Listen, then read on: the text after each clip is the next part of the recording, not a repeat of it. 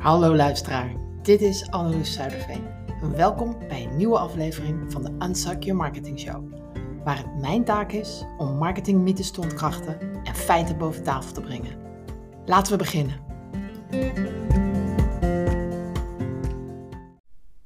Ik haat content maken.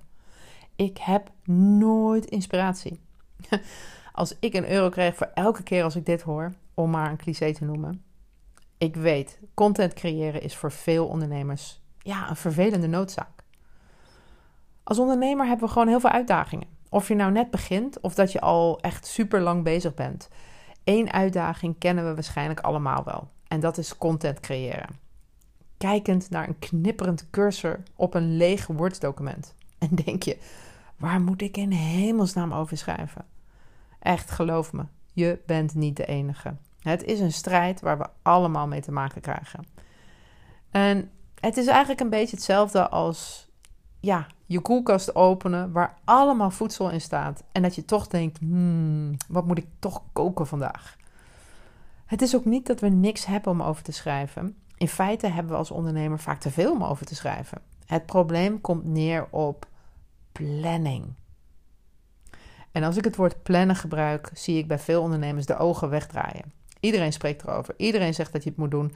Maar waarom maken wij dan zo'n puinhoop van? Of het nu gaat om niet weten waar te beginnen, het gevoel te hebben dat we te strikt zijn, dat het je tegenhoudt, of het voortdurend najagen van perfectie wat je uit je planning houdt. Het kan daarom wel een heel pijnlijk proces zijn. En het is precies daar waar we struikelen als het gaat om contentstrategie. Maar hier de kikker. Als jij ooit succesvol wilt zijn met je content, moet je omarmen dat je een beetje leert plannen. Want zonder een gedegen plan ben je aan het posten voor Jan met de korte achternaam. Want het gaat je dan minder opleveren. En dat merk je waarschijnlijk ook. En dat is wat het ook weer extra frustrerend maakt. En dat is zonde van de energie die het kost. En dat wil je toch niet? Kijk, er zijn verschrikkelijk veel manieren en methodes om content te maken. Het allerbelangrijkste is echt consistentie. Dus of je nu een keer in de week of voor dagelijks kiest, dat maakt eigenlijk niet zoveel uit. Zorg dat er consistentie in zit. Ik ga zo uitleggen hoe ik dat voor mezelf doe.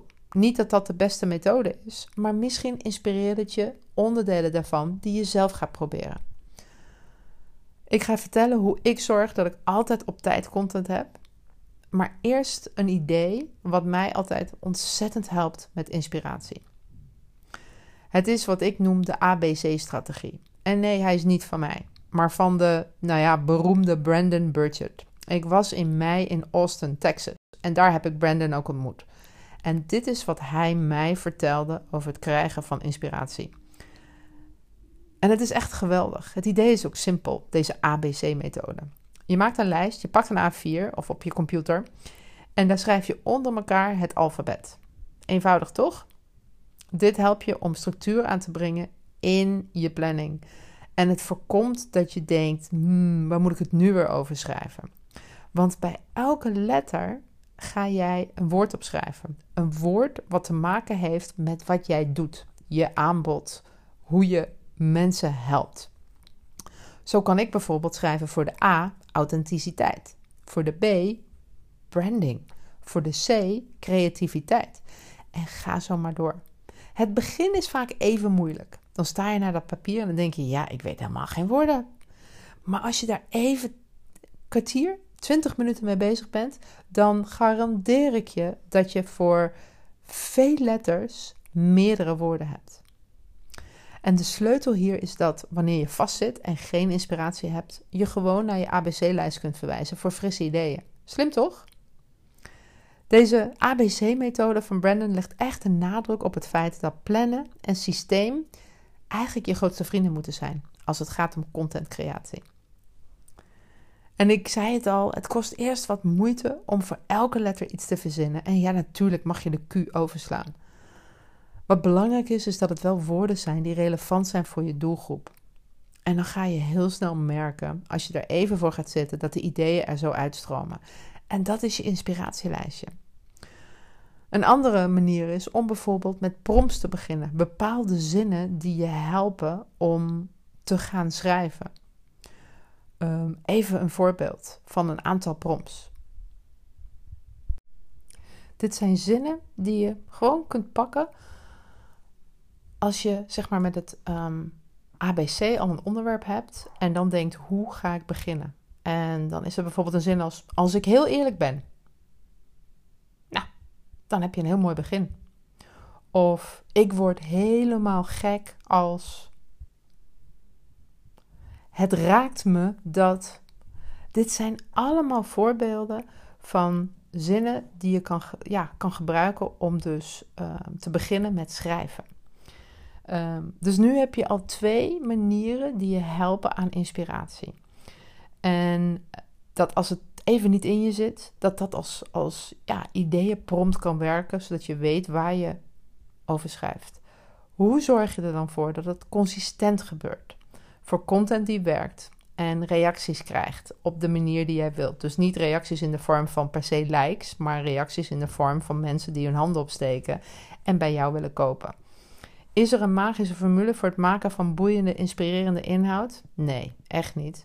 Maar ik bied je wel een stevige aanpak die je kan helpen de dingen in perspectief te zetten. En dit is mijn methode waar ik echt bij zweer. Het is een drie-stappen proces. De eerste stap is dat je het, het proces van inspiratie scheidt van het schrijven. Wat bedoel ik daarmee? Het is belangrijk om de tijd te nemen om ideeën te genereren.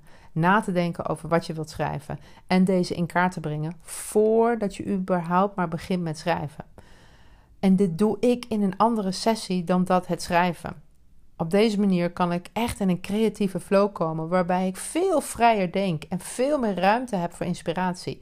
Dus dat doe ik één à twee keer uh, in de maand. Dat ik gewoon soms een kwartiertje ga zitten en onderwerpen opschrijf. Mijn ABC maak um, uh, promptzinnen om, om, om een verhaal mee te, te, te, te gaan schrijven.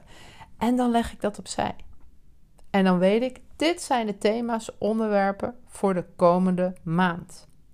En dan heb ik dus al uitgedacht waar ik het over ga hebben, maar nog niet geschreven.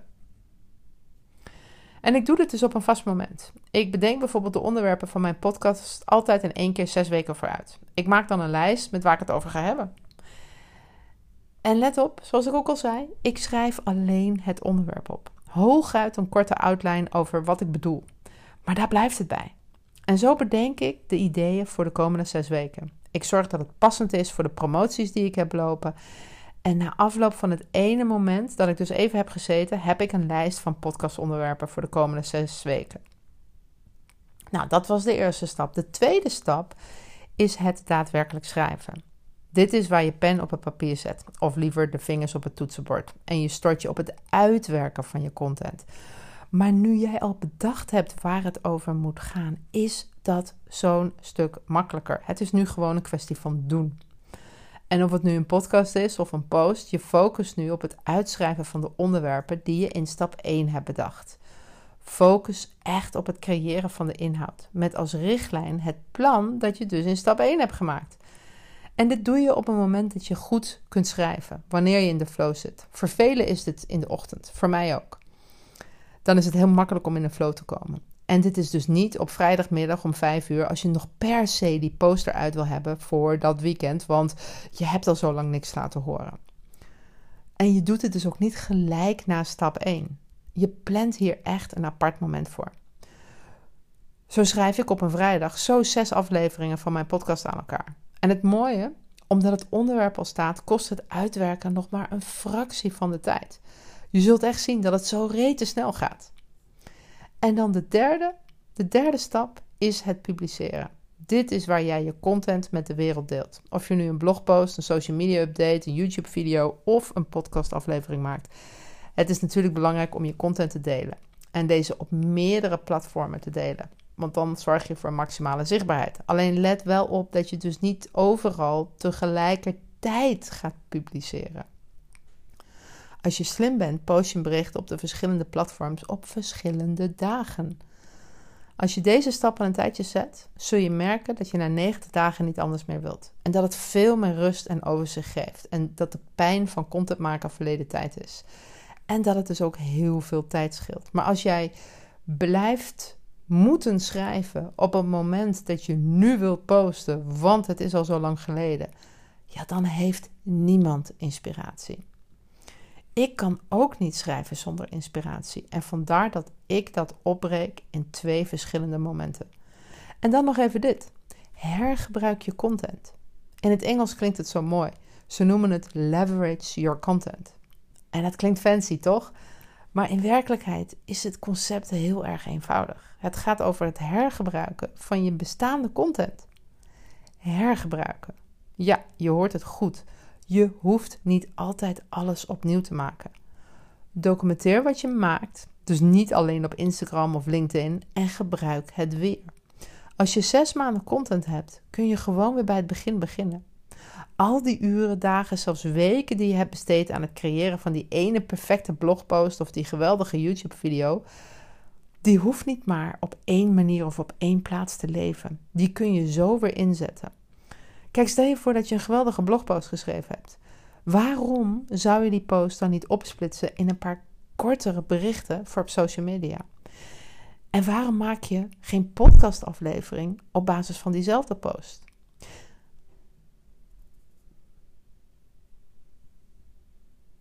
En waarom maak je geen podcastaflevering op basis van diezelfde post? Een korte video, een reel waarin je de hoofdpunten bespreekt. Zie je waar ik heen wil? Dit is zo ongeveer de definitie van met werken met wat je hebt. Het is net als dat overheerlijke gerecht wat je gisteren had. Om daar de volgende dag nog een shortcut lasagne van te maken. Gewoon met wat over is. Dat doe je ook met je content. En jij bent slim genoeg om de goede dingen niet verloren te laten gaan. En dit, dit kun je dus meenemen in contentcreatie. En weet je wat het mooiste is? Elke keer dat je content gebruikt, hergebruikt, bereik je waarschijnlijk een nieuw publiek. Dat je originele post misschien helemaal gemist heeft. En daarom is het echt een win-win. Dus samenvattend, verdeel het bedenken van de onderwerpen en het daadwerkelijke schrijven over twee verschillende momenten. Publiceer je content en zorg dat je het hergebruikt op verschillende manieren. Nou, ik hoop echt dat deze aflevering waardevol was. Als je hem waardevol vond, deel hem dan ook alsjeblieft. Het bereik groeit zo enorm. En dat is sowieso al heel erg aan het groeien. En jij kan daarmee helpen. Als jij nog vragen of inzichten hebt die je wilt delen, voel je dan vrij om contact met me op te nemen via vragenandeloes.nl. Ik lees graag je feedback en ideeën. Nou, dat was het dan weer voor vandaag. Bedankt voor het luisteren. Blijf leren, blijf creëren en bovenal blijf fantastisch. Tot de volgende podcast.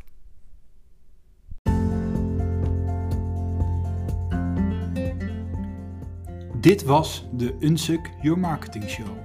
Vergeet niet lid te worden van de Facebookgroep met dezelfde naam. Anneloes Zuiderveen is de presentator en de oprichter van de Precision Marketing Academy. En beschikbaar voor privécoaching. Een hele fijne dag en tot volgende week.